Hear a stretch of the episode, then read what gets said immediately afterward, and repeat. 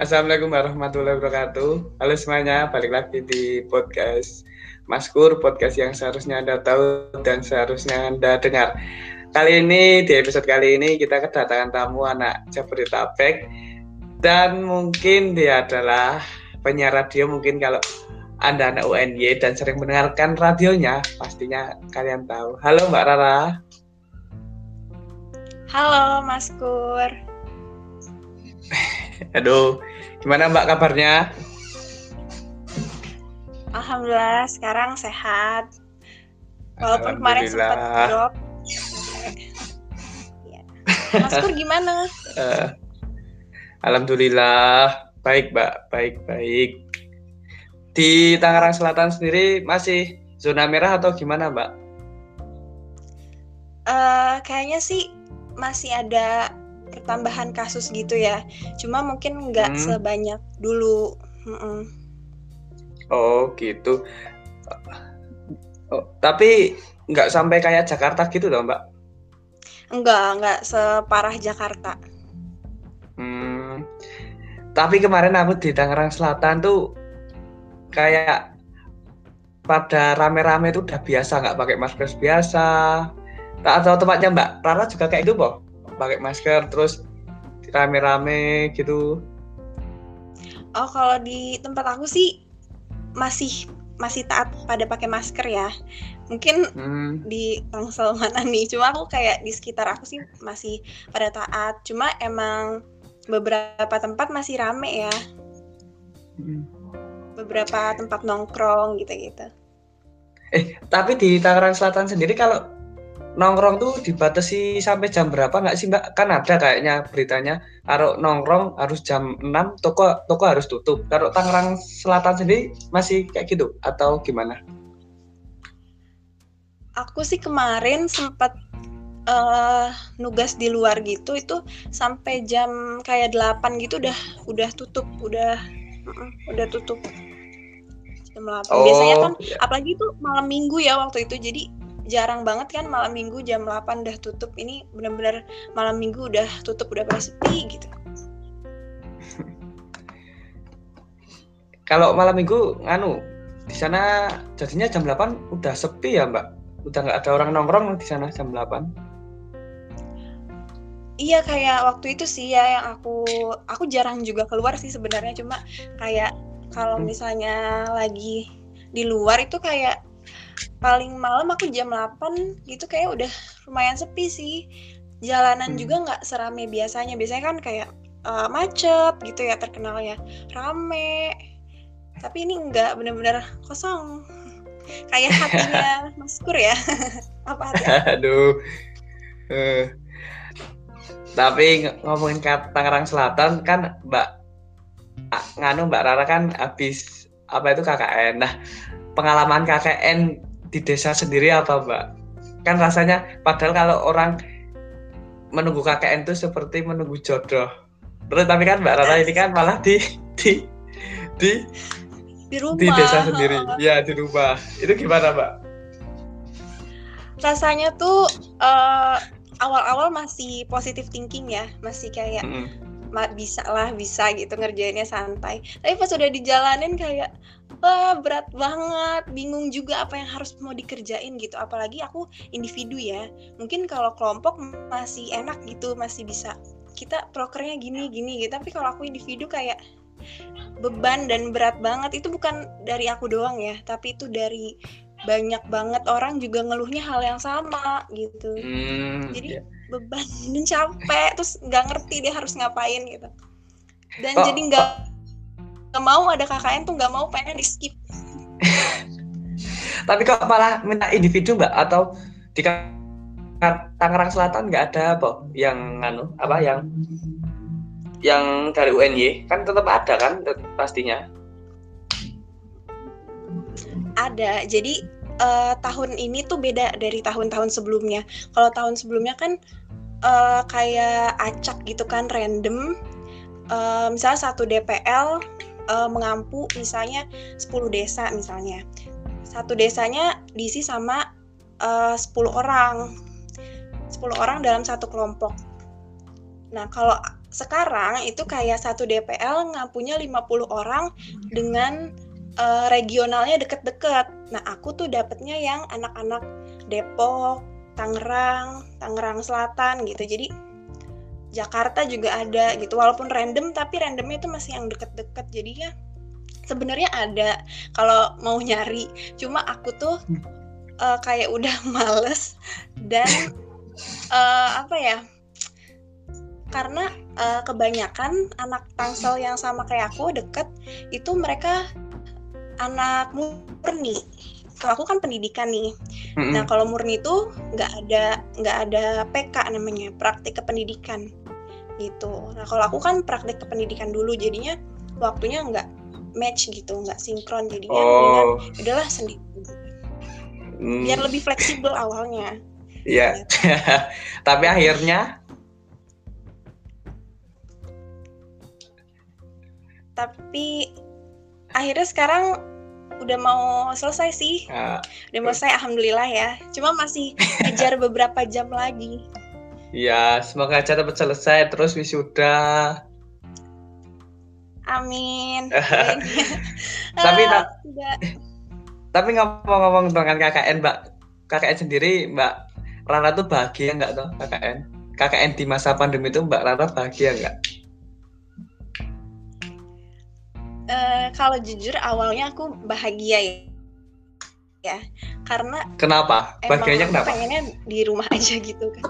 Soalnya aku aku jarang pulang ke rumah ya pertama.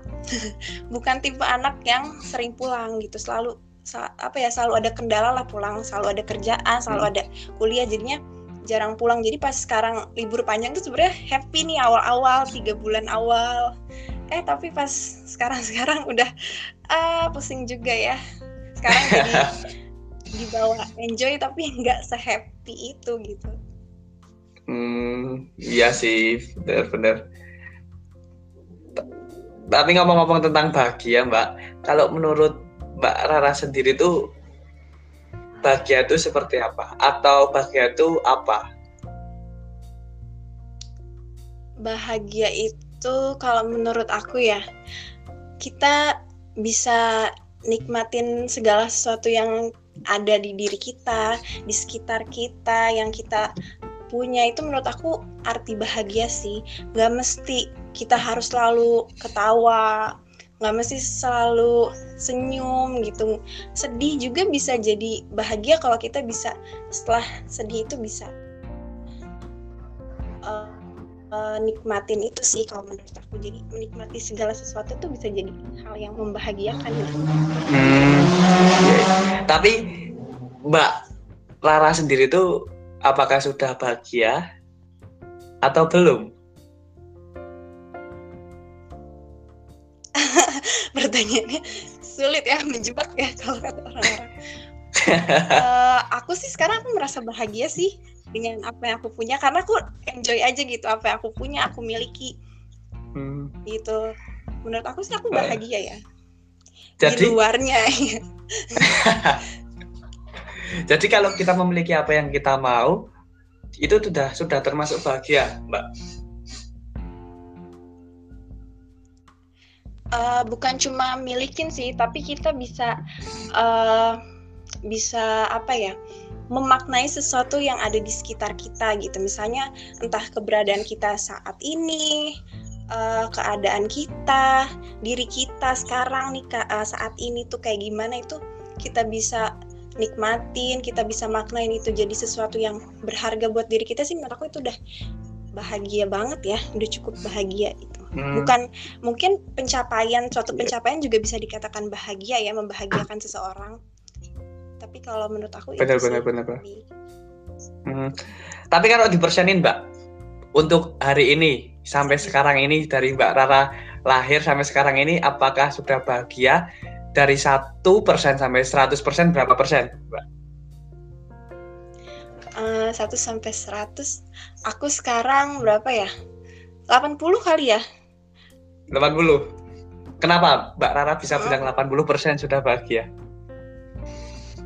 10% kan dari 100 ya 10 persennya tuh aku merasa aku belum apa ya ya belum bisa kadang-kadang juga aku manusia yang kadang-kadang kayak nggak bisa menikmati segala sesuatu gitu. Kayak KKN gini kan kadang-kadang banyak ngeluhnya. Jadi masih 10 persennya itu masih bolong-bolong gitu loh. 10 persennya lagi ya bahagia um, apa ya buat bahagia itu bisa buat orang juga kan ya? Jadi aku pengen ngebahagiain diri aku sama orang tua kayaknya belum deh gitu. Jadi 80 lah. Tapi kalau dari diri aku sendiri sekarang aku udah cukup bahagia. Hmm, alhamdulillah. Kalau Mas Kur berapa nih? Uh, 90% sudah bahagia. Weh, kenapa tuh? Kok 90 nggak 100 kok sekarang aku sih yang ditanyain? Kan aku harusnya yang nanya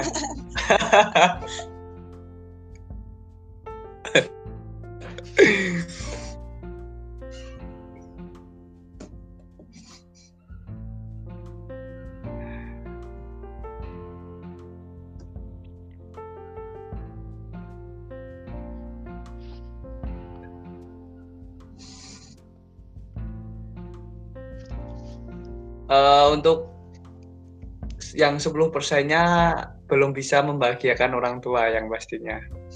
Hmm. Wah, so sweet. Tapi Mbak Rara bagi Mbak Rara tuh jomblo atau punya pacar? jomblo aku 21 tahun aku jomblo.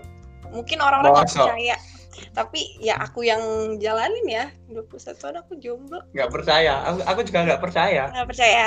Tapi kalau uh, teman SD aku pasti percaya. Soalnya dia yang tahu. Tapi tapi tapi bahagia. Tapi bahagia. selama 21 tahun itu jomblo bahagia? Jomblo bahagia. Apa yang membuat jomblo bahagia itu apa mbak? Uh, pertama kalau menurut aku ya mm -mm. Uh, itu kan sebenarnya pilihan ya. Kamu mau punya pasangan atau uh, belum itu pilihan. Nah pilihan aku saat ini itu aku uh, belum siap untuk punya pasangan. Mau itu pacar atau yang lain gitu. Jadi selama aku belum siap jadinya karena menurut aku tuh punya pasangan itu sesuatu yang apa ya kita tuh harus uh, menganggap dia itu kan juga bagian dari diri kita ya walaupun pacar itu kan maksudnya masih bisa putus masih bisa apa cuma menurut aku kalau pasangan itu ya pasti harus bareng gitu nah mungkin aku belum sepenuhnya siap gitu dengan itu jadinya aku hmm. ngejalaninnya ya jomblo ini dan aku happy aja gitu selama aku juga dikelilingin sama orang-orang yang jomblo jadi aku ikutan happy happy aja. Cuma kadang emang kayak pengen gitu pasti ada ya kalau misalnya orang nanya tuh pengen gak sih? Ya kadang-kadang pasti pengen cuma lebih lagi kalau ngeliat teman aku yang kayak ada drama dramanya ada gimana gimana ya jadi aku ah aku belum aku belum mau kayak gitu aku masih mau membahagiakan diri aku sendiri aja Aduh. Tapi selama ini sederhana sebagai apa sih Mbak Rara itu? Sebahagia apa? Hmm. Sebahagia apa ya? Kalau ukur bahagia juga aku sebenarnya masih bingung ya.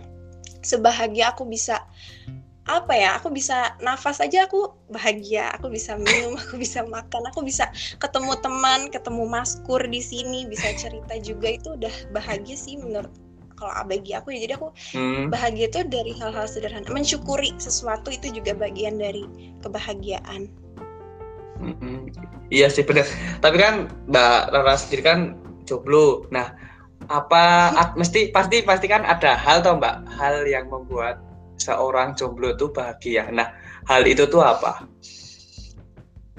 Hal itu tuh kita nggak pernah uh, berdebat dengan orang lain gitu kan. Kalau pacaran pasti pernah berantem ya kan, hmm. berantem di pinggir jalan, terus turun-turunan motor nih, Maskur kayak pernah nih ya. Terus kayak, kayak ngegalau gitu. ngegalau gitu, ngegalau yang berkepanjangan gimana gimana kalau ya itu bahagianya jomblo kita nggak pernah mikirin orang lain kita fokus di diri sendiri hmm. Iya sih benar-benar. Tapi paling paling pol kalau jomblo paling cuma berantem sama sama teman. Tapi kalau berantem sama teman tuh lebih ngeri daripada berantem sama pacar. Oh gitu ya. Pengalaman sih kayaknya. Enggak, ya kan aku Nah, tapi Mbak Rara pernah lah, mesti kalau berantem sama teman sendiri cuma gara-gara sepele atau atau lagi kan Mbak Rara kos tapi mesti pernah kan? Pernah, pernah berantem. Mungkin karena nggak sependapat ya atau nggak cara penyampaian kita mungkin nggak semua orang bisa nerima. Nah itu biasanya menimbulkan uh, perdebatan. Apalagi sesama perempuan ya. Perempuan kadang hmm. Lebih sensitif dengan ucapan perempuan lainnya. Jadi lebih menimbulkan uh, itu perdebatan dan permusuhan. Tapi itu sebagai drama seorang jomblo.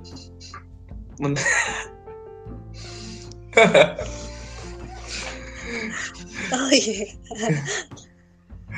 Aduh, tapi uh, kan menurut Mbak Rara sendiri itu mengapa sih kita harus bahagia?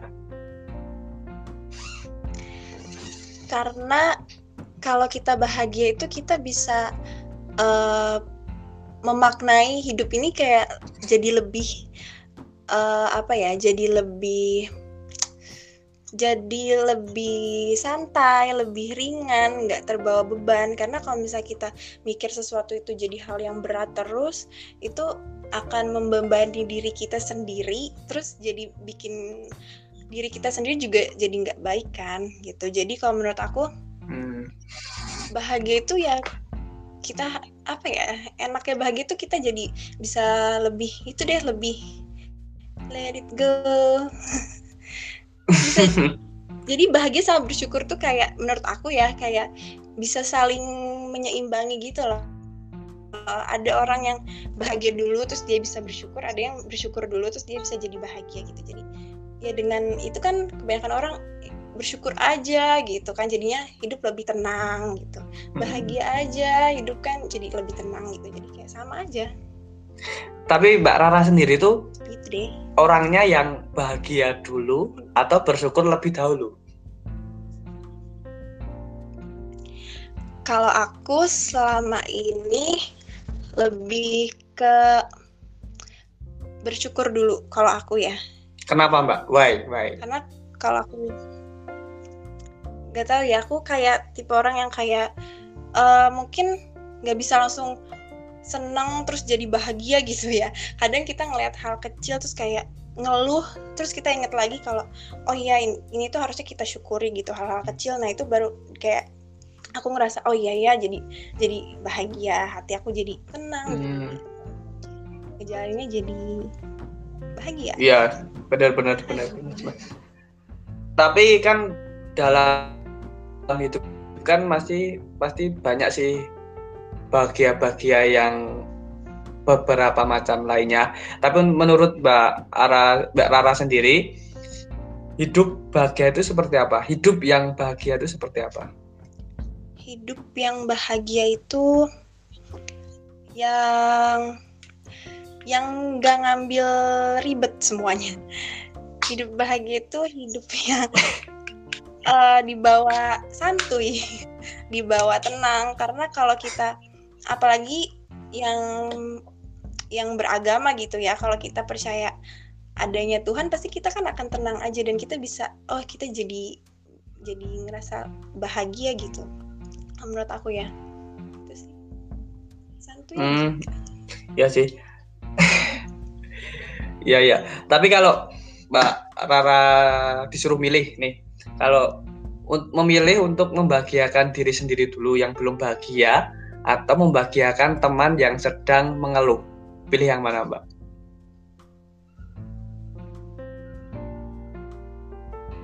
hmm, itu posisinya aku berarti lagi nggak oke okay ya yes.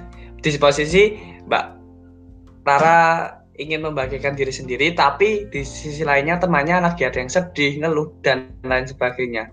Yang sedih-sedih gitu.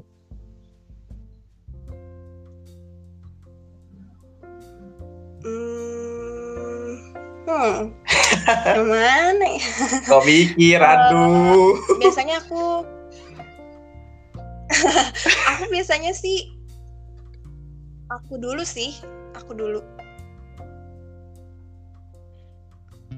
Kenapa mbak?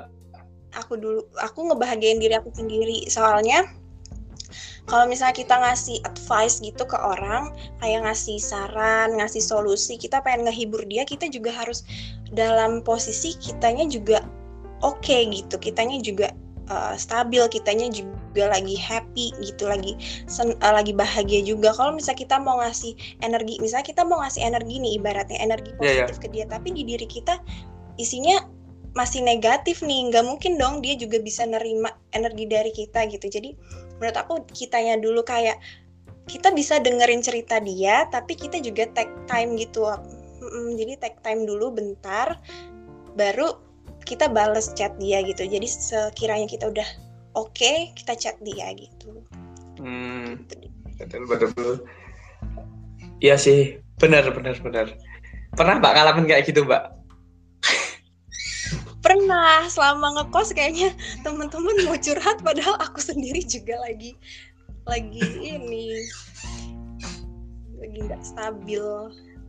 Tapi kan untungnya teman ngerti mbak. Temennya ngerti semua loh maksudnya ya ngerti ngerti, ngerti. ya udah terpaksa ngerti kayaknya ya Aduh, tapi Mbak, untuk pesan-pesan yang orang yang belum bahagia apa? pesannya apa ya?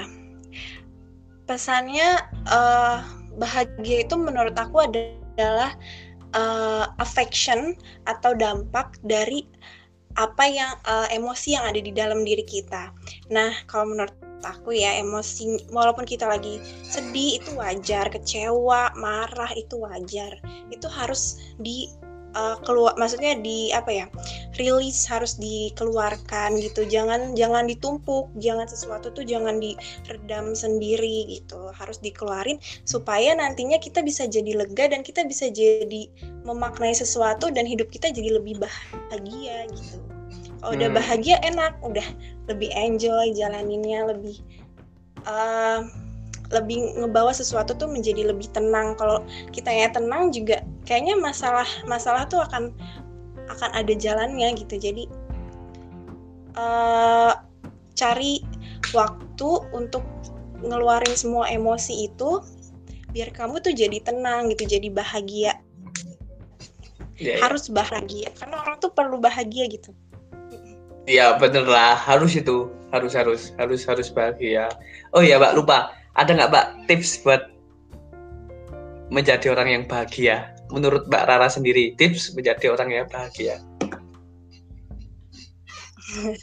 Tips menjadi orang yang bahagia ya. Kalau menurut aku apa ya kalau sekarang tuh mungkin kebanyakan orang bahagia itu kayak dipersulit ya. Kalau menurut aku. Jadi uh, kayak kita tuh ngelihat medsos gitu ya Instagram aja kayak ih langsung insecure. Termasuk aku juga masih suka kayak gitu kan kayak ngeliatin orang lain ngebanding-bandingin. Itu kalau menurut aku ya tipsnya uh, jadi diri kita sendiri aja. Jangan jangan pernah apa ya ngelihat orang lain gitu. Kalau misalnya orang itu punya pencapaian yang segitu kita pun juga punya pencapaian juga di diri kita gitu. Jadi berbeda-beda. Jadi harus tahu diri kita sendiri itu kayak gimana kita harus tahu. Terus abis itu kalau misalnya kamu terlalu banyak mikirin orang mendingan jadi orang cuek gitu. Kayak aku tuh aku cuek gitu loh jadi mungkin terlatih karena jomblo gitu jadi cuek banget. Aduh. Jadi coba coba untuk uh, fokus di diri kamu sendiri gitu jangan fokus ke orang-orang. Karena sekarang tuh bahagia tuh susah ya karena kita fokusnya ke orang-orang gitu ke sekitar kita. Padahal kita harus bisa lah. Jadi kayak pertama tahu diri kita sendiri terus uh, cuek kalau menurut aku gitu sih. Dan itu aja sih menurut aku yang ya, lagi. Atau Uh, ini kalau aku ya aku suka banget kalau misalnya aku lagi uh, emosi yang sedih gitu yang bikin bete aku suka banget nonton yang lucu-lucu. Jadi itu bikin mood senang aku naik dan itu bisa bikin aku bahagia gitu loh. Jadi mungkin kalian hmm. harus tahu mood booster kalian tuh apa gitu untuk bikin kalian bahagia. Oh. Oke. Okay. jadi buat teman-teman yang belum bahagia bisa dipakai nih tips dari Mbak Rara. Semoga kalian bisa bahagia. Karena bahagia bahagia ini tidak tergantung dengan pacar kita padahal kita sendiri juga bahagia. Iya betul, iya, betul. kan? Kadang orang bilang lah aku nggak bahagia karena nggak punya pacar. Aduh kadang orang kan suka ngeluh kenapa harus punya pacar? Kalau bahagia diri diri sendiri aja bisa. Ya kan mbak? Betul, soalnya aku juga pernah baca kalau bahagia itu dari dalam diri. Jadi stimulusnya tuh dari dalam. Kalau kita emang mindset kita juga kita pengen bahagia, pasti dari dalam kita juga mendukung untuk bahagia gitu. Bahagia itu bukan sesuatu stimulusnya nggak selalu dari luar, nggak selalu dari misalnya punya pacar gitu ya, ada yang sayang gitu. Nggak bahagia itu bisa uh, dari dalam kok gitu, dari stimulus dari dalam diri kita masing-masing. Hmm. Mbak Rana sendiri itu jurusan apa? Psikologi, Jangan diputusin.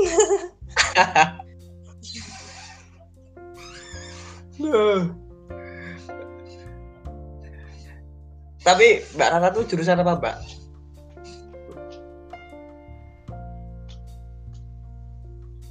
Aku jurusan manajemen oh, iya, pendidikan. benar. FIP, FIP atau FE manajemen pendidikan? FIP. Oh. FIP udah mulai masuk toh, Mbak? Maksudnya ada edaran buat masuk offline nggak sih? Kalau edaran untuk masuk offline aku belum tahu ya, iya. kayaknya belum ada deh. Kalau FIK udah ada ya? Udah, Mbak. 1 November besok sudah masuk offline, tapi untuk daerah iya. daerah Yogyakarta, Jawa Tengah dan sekitarnya dan itu harus sudah 14 hari di kos atau di rumah itu. FT FT Aku juga nggak FT? Sih FT Mungkin FVP juga udah kali ya. Ya, Bung. Cuma aku belum ngecek BEM-nya mungkin. Hmm. Ngecek. Tapi kalau aku belum dengar. Uh, Mbak Lara sendiri untuk ke depannya ini mau gimana lagi Mbak? setelah KKN ini apakah ada rencana lagi? Ada, insya Allah sih ada. Ada. Aku masih mau nerbitin jurnal. Ini jurnal yang kedua mau terbit, insya Allah. Amin. Uh, nggak bulan ini, bulan depan. Hmm, lagi dalam tahap revisi. Uh, terus mungkin uh, ke skripsi kali ya, mungkin ke skripsi Terus sebenarnya ada satu project yang tapi aku juga masih merahasiakannya karena uh, masih dalam tahap awal banget. Jadi aku takut kalau sekarang kasih tahu, takut nggak jadi. Itu projectnya tentang apa mbak? Ilmiah atau tentang? Projectnya ini kayak uh, kemanusiaan gitu sih, project uh, kayak tentang perempuan dan kemanusiaan gitu. Oh, mantap deh. amin ya. Tapi amin amin. Tapi untuk di 2020 ini ya apa lebih ke matengin skripsi sama proyeknya mbak? Iya, aku lebih ke situ sih. Hmm. lebih ke skripsi karena juga udah dikejar-kejar ya ini juga sebenarnya semuanya udah ngejar-ngejar. nggak yang ya, ngejar-ngejar siapa mbak gitu. dosen iya dosen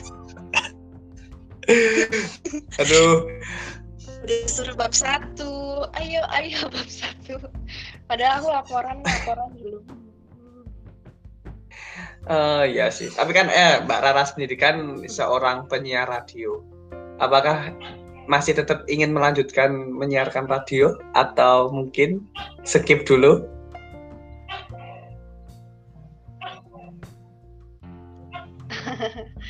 Sebenarnya tuh uh, radio tuh kan awalnya aku aku tuh orangnya suka ngomong ya. Cuma suka ngomong dan kata orang-orang sih ya waktu zaman dulu SMA tuh uh, suara lu tuh enak ra. Coba aja gitu. Jadinya aku kayak emang iya ya? Soalnya waktu dulu tuh kan ada listening gitu pas suaraku ngomong tuh dikirain operator kalau dulu. Sekarang hmm. udah enggak kali ya. Terus aku kayak oh iya ya jadi aku coba ke radio gitu tapi kalau sekarang uh, uh, sebenarnya aku kan kemarin itu lagi, lagi training di salah satu radio komersial. Cuma aku nggak sebutnya lagi training. Harusnya sekarang uh, sekarang itu sebenarnya udah mulai cuma ketunda sampai dari bulan apa ya ketunda. Terus akhirnya sampai sekarang. Kalau sekarang sih sempat kepikiran ya karena ini juga salah satu bidang yang aku suka. Cuma kalau misalnya ini jadi prioritas mungkin belum. Cuma nanti ke depannya nggak ada yang tahu sih ya. Cuma hmm. tapi ada beberapa tawaran sih emang. Di dekat sini juga ada. Cuma lagi terpecah belah ini pemikirannya. Jadi mungkin belum prioritasnya. Radio komersialnya daerah Tangerang Selatan mbak atau Jogja? Kalau yang kemarin aku udah uh, masuk itu di Jogja hmm. Hmm, udah udah nyoba tapping sama siarannya gitu. Tapi? Tapi ketunda nih sekarang. Tapi kalau nanti mungkin ke depannya aku bakal nyoba yang di sini aja deh. Karena aku juga belum tahu akan ke Jogja kapan. Ke Jogja lah. Emang nggak mau wisuda. Jogja ya Nah ini wisudanya tuh gimana sih? Aku bakal dapet yang online atau offline? Aku juga. Eh jangan pikir, eh mbak jangan pikir wisuda dulu, skripsi dulu dikelarin, baru. nah itu dia skripsi dulu, makanya. Makanya aku kayaknya nggak tahu. Aduh. Uh, Kangen sih Jogja tuh ngangenin sebenarnya. Iya, apalagi ada aku. Iya, aku baru mau ngomong itu. Aduh. Eh, Mbak Rara, Mbak Rara kan sendiri kan aku kan per, in person ketemu Mbak Rara sama teman-temanku tuh bilang kalau Mbak Rara tuh ketemu apa kayak Feby gimana pendapat Mbak Rara mirip dengan Feby gimana? Sebenarnya tuh banyak banget yang ngomong kayak gitu tuh. Awalnya tuh aku kayak uh, siapa sih? Gitu kan aku juga masih belum tahu ya. Terus pas aku lihat hmm. emang iya ya? Kalau menurut aku sendiri sih enggak ya. Tapi mungkin banyak banget yang bilang kayak ada beberapa pose yang mirip gitu. Semakin mirip. Hmm. cuma ya katanya satu orang tuh punya tujuh kembaran ya. Mungkin salah satu iya atau mungkin kamu adiknya mbak? Adiknya mbak Feby Nah, mungkin ya. Coba coba Atau coba jangan kita dong, nyanyi. Kembar yang tertukar. Aduh, suaraku tuh jelek ya. Suaraku kalau nyanyi tuh uh,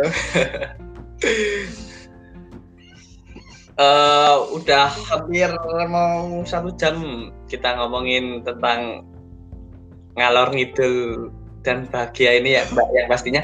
Tapi untuk sebelum ditutup ada nggak Mbak pesan buat teman-teman yang mendengarkan podcast ini? Uh, semoga sih yang dengerin ini yang tadinya belum bahagia bisa mencari tahu arti bahagianya untuk dirinya sendiri, untuk kamu sendiri itu apa.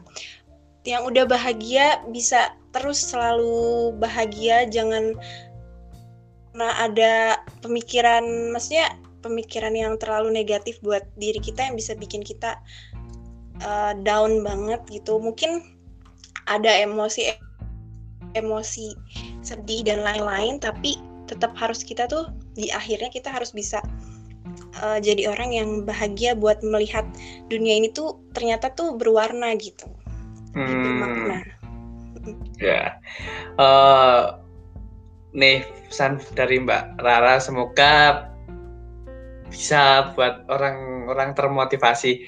Sama terima kasih juga Mbak Rara udah nyempetin datang di podcast ini. Dan mohon maaf tadi teman-teman banyak kendala Makasih. dari sinyal. Aduh maaf banget ya. Ini ya nggak apa-apa. Aku deh. oh, ya. Terima, terima kasih semuanya. Saya Rizky Kurnia. Wassalamualaikum warahmatullahi wabarakatuh.